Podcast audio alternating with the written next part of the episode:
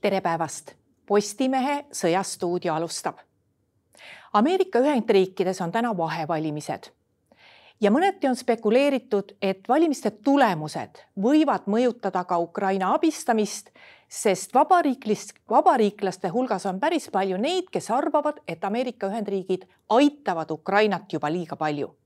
meil on stuudios Rahvusvahelise Kaitseuuringute Keskuse juht Indrek Kannik, tere päevast. tere päevast no kui me vaatame neid spekulatsioone, siis kui suur alus on juttudel, et pärast seda, kui vahi, vahevalimiste tulemusena võiksid ülekaalukalt saada suurema mõjuvõimu vabariiklased, võib USA loobuda või vähemalt sellises mahus loobuda Ukraina abistamisest? ma pigem kaldun arvama, et nendel juttudel väga palju alust ei ole, kahel põhjusel. esiteks, Ameerika on ikkagi eelkõige Ameerika välispoliitika on vägagi tugevalt äh, nii-öelda presidentaalse riigi välispoliitika. presidendi ja president, tema administratsiooni võim välis- ja kaitsepoliitika küsimustes on ülekaalukalt olulisem kongressi rollist. ja teine on see, et ähm, jah, vabariiklaste hulgas, eelkõige nii-öelda Trumpi tiiva vabariiklaste hulgas on neid, kes ütlevad, et USA on Ukrainat juba liiga palju abistanud ja abiprogrammid tuleks üle vaadata aga see ei ole ka enamus vabariiklastest. et, et ma usun, et enamus demokraatidest ja enamus vabariiklastest kokku on endiselt sellel positsioonil, et abiprogramme Ukrainale tuleb, sõjalise abiprogramme ees, eeskõige jätkata senisel kujul. mis dünaamika võib tugevamaks muutuda, on see, et et ameeriklased võivad rohkem rõhuda sellele, et ka Euroopa riigid peavad veel rohkem panustama et siiamaani on olnud üsna selge, et Ameerika panus eelkõige sõjalises abis on olnud ülekaalukalt suurem kui Euroopa riikidel. ja no siin on ka objektiivsed põhjused olemas, Euroopa riikidel paraku ei olegi kohati väga palju panustada, et varud ei ole väga suured. nii et ütleme, sellised emotsionaalsed jutud, et äh, aitab küll Ukraina abistamisest, et meil endal tuleb see müür sinna lõunapiirile valmis ehitada, et need on ikkagi sellised emotsionaalsed valimiseelsed jutud ma kaldun küll arvama, et, et väga suurt muudatust USA abipoliitikas vahevalimiste, kongressivalimistega ei tule, et jah, tänase seisuga tundub tõenäoline, et vabariiklased võivad saada enamuse kongressi mõlemas kojas, kuigi see on ka veel mitte lõplikult kindel, Ameerika valimised on meile mitmel korral üllatusi toonud. aga noh, vahevalimistel on see tavaline, et, et mitte presidendipartei võidab, see on olnud viimased aastakümned Ameerikas alati niimoodi. Ja see trend tundub pigem jätkuvat, aga ma ei näe, et see tooks välispoliitikas nüüd väga suuri muudatusi Ameerikas praegu no numbriliselt on tõesti USA panustanud ju väga palju, et kusagil kuuskümmend miljardit ja seal siis ligi kuskil kakskümmend miljardit minu meelest relvaabi. Ameerika süsteem on ju selline, et te nimetasite küll, et presidendil on seal suhteliselt suur mõju, mõjuvõim, aga sellised rahalised otsused siiski mõlemad kongressikojad ju peavad kinnitama. ja need peavad mõlemad kongressikojad kinnitama, aga nagu me rääkisime sellest, et et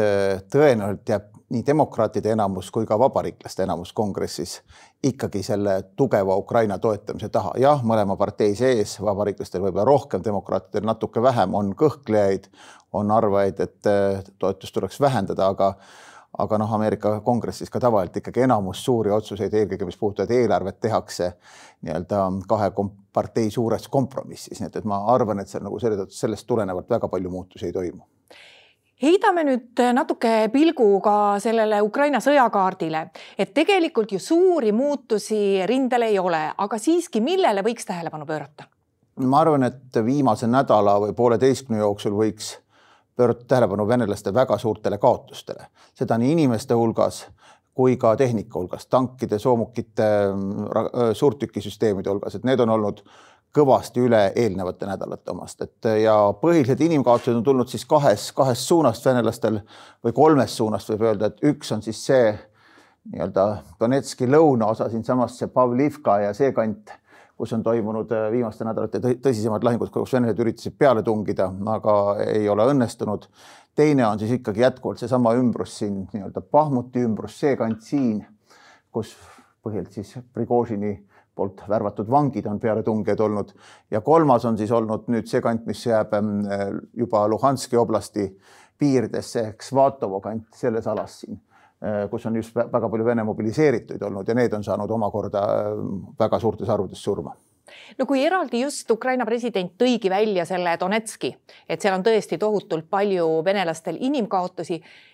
samas, kui palju on ukrainlastel võimalik seal eh, Donetski kandis edasi liikuda, et kaotused on venelastel küll suured, aga palju sealt ju edasi ei ole mindud? ja ei, kumbki pool ei ole edasi läinud seal, seal alal, võib öelda, et venelased suutsid seal väga väikeseid edasiliikumisi teha suve teises pooles ja veel ka sügise alguses. nüüd viimasel nädalatel on jälle Pahmuti ümbruses need piirid pigem taandunud, Ukraina on omakorda taastanud teatud määral endised positsioonid. Noh, need liikumised, mis seal üldse on olnud selle sõja käigus, võib öelda, on olnud pigem sellist taktikalist äh, laadi, et mõlemal poolel on eelkõige Donetski ümbruses ka väga tugevad äh, kaitserajatised välja ehitatud selle kaheksa aasta jooksul, see rindejoon enam-vähem sarnane positsioonile juba kaheksa aastat tagasi sealkandis ja ega seal nagu arvestatavaid edasiliikumisi ei ole olnud. venelased on võib-olla võitnud mõnisada ruutkilomeetrit maad juurde, seal mitte rohkem. no paljud analüütikud on just viimastel päevadel ongi sellele tähelepanu juhtinud, et venelased ongi hakanud rajama ka mujale hästi palju neid kaitserajatisi. no iseasi on see, et äh, need millele te just tähelepanu juhtisite, on ikkagi eelmise sõja ajast pärit ja seal on aega olnud ennast kindlustada. Äh, teine pool on see, et kui palju praegu jõutakse üldse teha nojah, kui me mõtleme kaitserajatistele näiteks siinsamas äh, Hersoni ümbruses ehk Dnepri idakaldal, kuhu venelased ka praegu kaitserajatisi teevad siis see on muidugi palju keerulisem selles mõttes, et ukrainlaste suurtükitulu ulatub juba sinna omakorda ja, ja nende kaitserajatiste ehitamiseks ei ole võrdväärselt aega sellega, mis on seal Donetski ümbruses olnud. et ma arvan, see on üks suund, kus venelased kindlasti kardavad, et varem või hiljem Ukraina pealetung tuleb ja, ja seal nad püüavad vältida seda, et isegi kui Ukraina vabastab Hersoni, et siis ukrainlastel ei õnnestuks kohe saada silla pead ka, ka Dnepri idakaldale, mis oleks venelaste vaatevinklist väga ohtlik, kuna sealt avaneb tee Krimmi suunas otse kui kaua selle Hersoniga võiks nüüd veel minna? ma ei taha ennustama hakata, selles mõttes on üsna erinevad infot kasvõi selles suhtes, et mm, kui palju venelastel seal üksusi on, et mulle tunduvad tõenäoliselt need numbrid, kus räägitakse umbes kahekümnest, viieteistkümnest tuhandest inimesest, aga ma olen lugenud ka hinnanguid, et venelastel on seal nelikümmend tuhat meest. Ehm, venelaste võime varustada üksusi Hersoni ümbruses on noh, juba kuude jooksul väga palju halvenenud. peale Krimmi silla osalist puruks laskmist halvenes see veelgi, kuna väga suur hulk ikkagi või valdav enamus venelaste varustusteedest toimuvad läbi raudtee ja raudteeühendus eh, Lõuna-Ukrainaga pärast seda muutus oluliselt, oluliselt kehvemaks. et, et ehm, kõike neid tegureid arvestades peaksid venelaste ressursid seal olema otsakorral, ütleme niimoodi. aga eks nad koondasid sinna suve jooksul päris palju omakorda ressursse ja enne kui ukrainlased said Haimarsid kätte ja hakkasid ka Dnepri sildu purustama, jõuti sinna ikkagi väga palju koondada. kaua nad vastu suudavad pidada, raske hinnata. ma arvan, et ukrainlaste huvi ei ole ka minna nii-öelda totaalrünnakule selles tähenduses, kus nad võiksid ka ise palju inimesi kaotada ja samamoodi puudub neil huvi suurtükkidega Herson maatasa teha, nii nagu venelased tegid Mariupoliga näiteks, et nad kindlasti üritavad seda linna ikkagi ka võimalikult palju säilitada, et pigem on see taktika suunatud nii-öelda venelaste vaiksele järjekindlale süsteemsele väljatõrjumisele. No ukrainlased on kuuldavasti kätte saanud ka täiendavalt õhutõrjesüsteeme ja selle on välja öelnud ka Ukraina president, et noh, esiteks, et neil on muidugi väga hea meel selle üle, aga et kui palju see suurendab kaitset ja kui palju tänu sellele suudetakse kaitsta või nendele uutele süsteemidele Ukraina taristut, sest see on ju nüüd täiesti uus sõda, mis on viimase kuu aja jooksul alanud taristu pihta jah, ukrainlaste kõige suuremad probleemid ongi viimase kuu jooksul olnud taristuga eelkõige. et venelased on võtnud taktikaks Ukraina eelkõige energeetikataristu hävitamise ja nii-öelda külmaga ja pimedusega Ukraina läbirääkimiste laua taha surumise ja nad on saavutanud sellest teatud edu, nagu me teame, Ukrainas on ikkagi praegu elektrivool piiratud ja, ja, ja paljudes suurtes linnades on elektrikatkestused, noh, need on küll kontrollitud esialgu valdavas enamuses inimestele teatatakse ette, mis ajal nad elektrit ei saa, aga normaalset igapäevast elu see ikkagi kõvasti segab, see on selge. no ma loodan, et see parandab ukrainlaste olukorda, aga noh õhutõrje ja õhukaitse on sellised asjad, et ega sajaprotsendilist tulemust kunagi ei saa, ega sul võivad olla väga hea, väga hea õhukaitse või õhutõrjerelvastus olemas, aga, aga midagi tõenäoliselt vastase rakettidest ja vastase droonidest läheb ikkagi läbi, nii et, et see on nagu selline pidev võitlus, et venelased lasevad midagi puruks ja siis tuleb seda uuesti parandada, aga loodame, et need mahud muutuvad märksa väiksemaks, mida venelased suudavad puruks lasta. kui see oli siin kuu aega tagasi või ka paar nädalat tagasi, et siis on enamus Ukrainast saab elada enam-vähem normaalsemat elu kui muidu vaat Hersonist juba rääkisime, aga siin on nüüd seoses Hersoniga viimastel päevadel tulnud lääne meediasse üks väga huvitav spekulatsioon. nimelt eh, on hakatud rääkima sellest, et pärast seda, kui ukrainlased on Hersoni tagasi võtnud siis võiks olla olukord nii palju muutunud, et ukrainlased võiksid minna läbirääkimiste laua taha ja kuuldavasti on seda juttu räägitud nii NATO kui Ameerika Ühendriikide poolelt. seda on nagu põhjendatud kahe asjaga, et miks siis nüüd järsku selline surve Ukrainale, et ühelt poolt kardetakse, et kuna Venemaa on nii nõrk, siis omakorda tugevneb Hiina võim venelaste üle ja teine asi on siis oht, et ikkagi võidakse kasutada tuumarelva, kuigi on samas ka öeldud, et noh, et see oht on siiski minimaalne. et mida te arvate nendest spekulatsioonidest, kas võiksid lääneriigid pärast seda, kui Herson on võetud, hakata survestama Ukrainat läbirääkimiste laua taha ja mis tingimustel?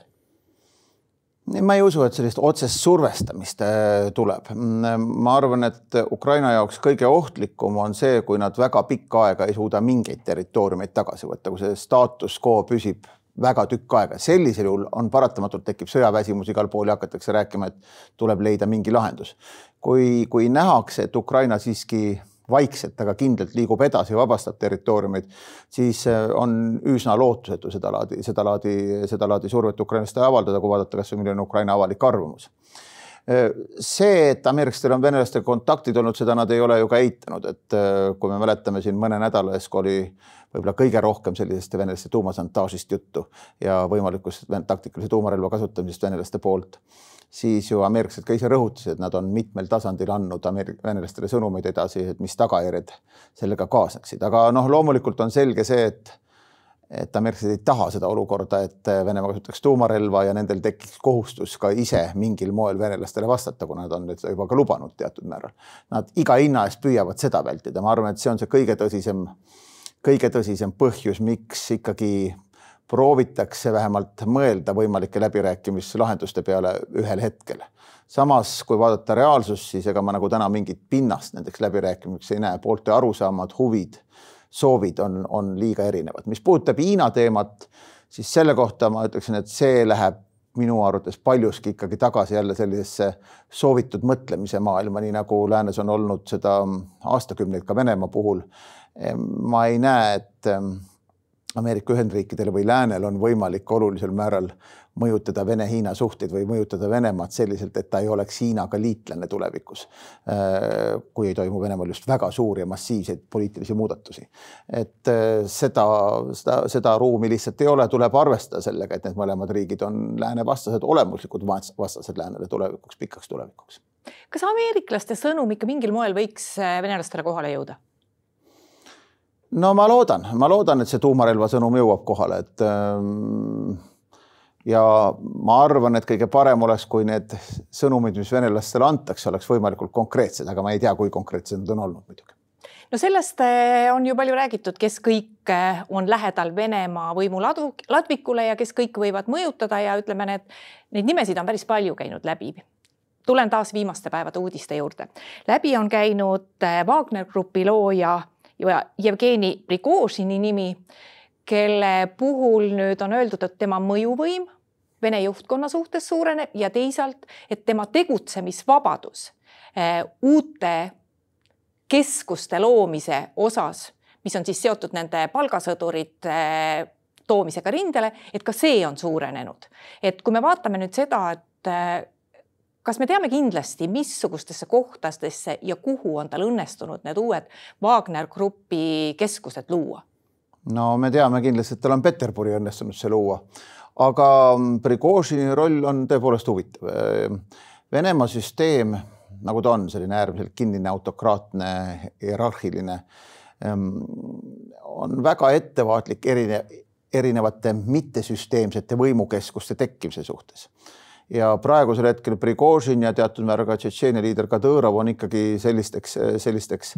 süsteemist väljas või vähemalt süsteemis mitte lõplikult sees olevateks võimukeskusteks kujunenud vaadates, kuidas eriti Prigožin viimastel nädalatel käitub, et üks on see, on see värbamiskeskuste loomine, aga noh, minu arvates isegi veel tähelepanuväärsemad on avalikud rünnakud Vene sõjaväe juhtkonna suhtes, Peterburi kuberneri suhtes, prokuratuuri avalduse kirjutamine kriminaalasja algatamiseks tema ette, see on ikka üsna unikaalne ja minu arvates näitab, et vähemalt teatud piirini on süsteemi sees segadused, et see süsteem ei lubanud varem sellist, sellist nii-öelda omavolitsemist, ka isegi inimestele, kes olid süsteemi sees olemas ja omasid mõju seal. et praegu on hakanud selgelt, ma ütleksin niimoodi, Prigožin ja Kadõrov tegutsema selle nimel, et oma positsioone Venemaal tugevdada. Prigožini puhul mulle tundub lausa, et tal on ambitsioon saada ametlikus süsteemis senisest märksa olulisem roll, ma ei tea, kas ta tahab saada kaitseministriks või mis tema huvi on kokkuvõttes, aga ta käitumine on muutunud ikkagi vägagi omapäraseks ja minu arvates see kokkuvõttes näitab pigem süsteemi nõrkust no selliste tüüpide puhul on ju tavaliselt see, et nende mõjuvõim võib tugevneda teatava piirini ja järgmisel hetkel on ta, nad sellest süsteemist kadunud. Prigožin on muidugi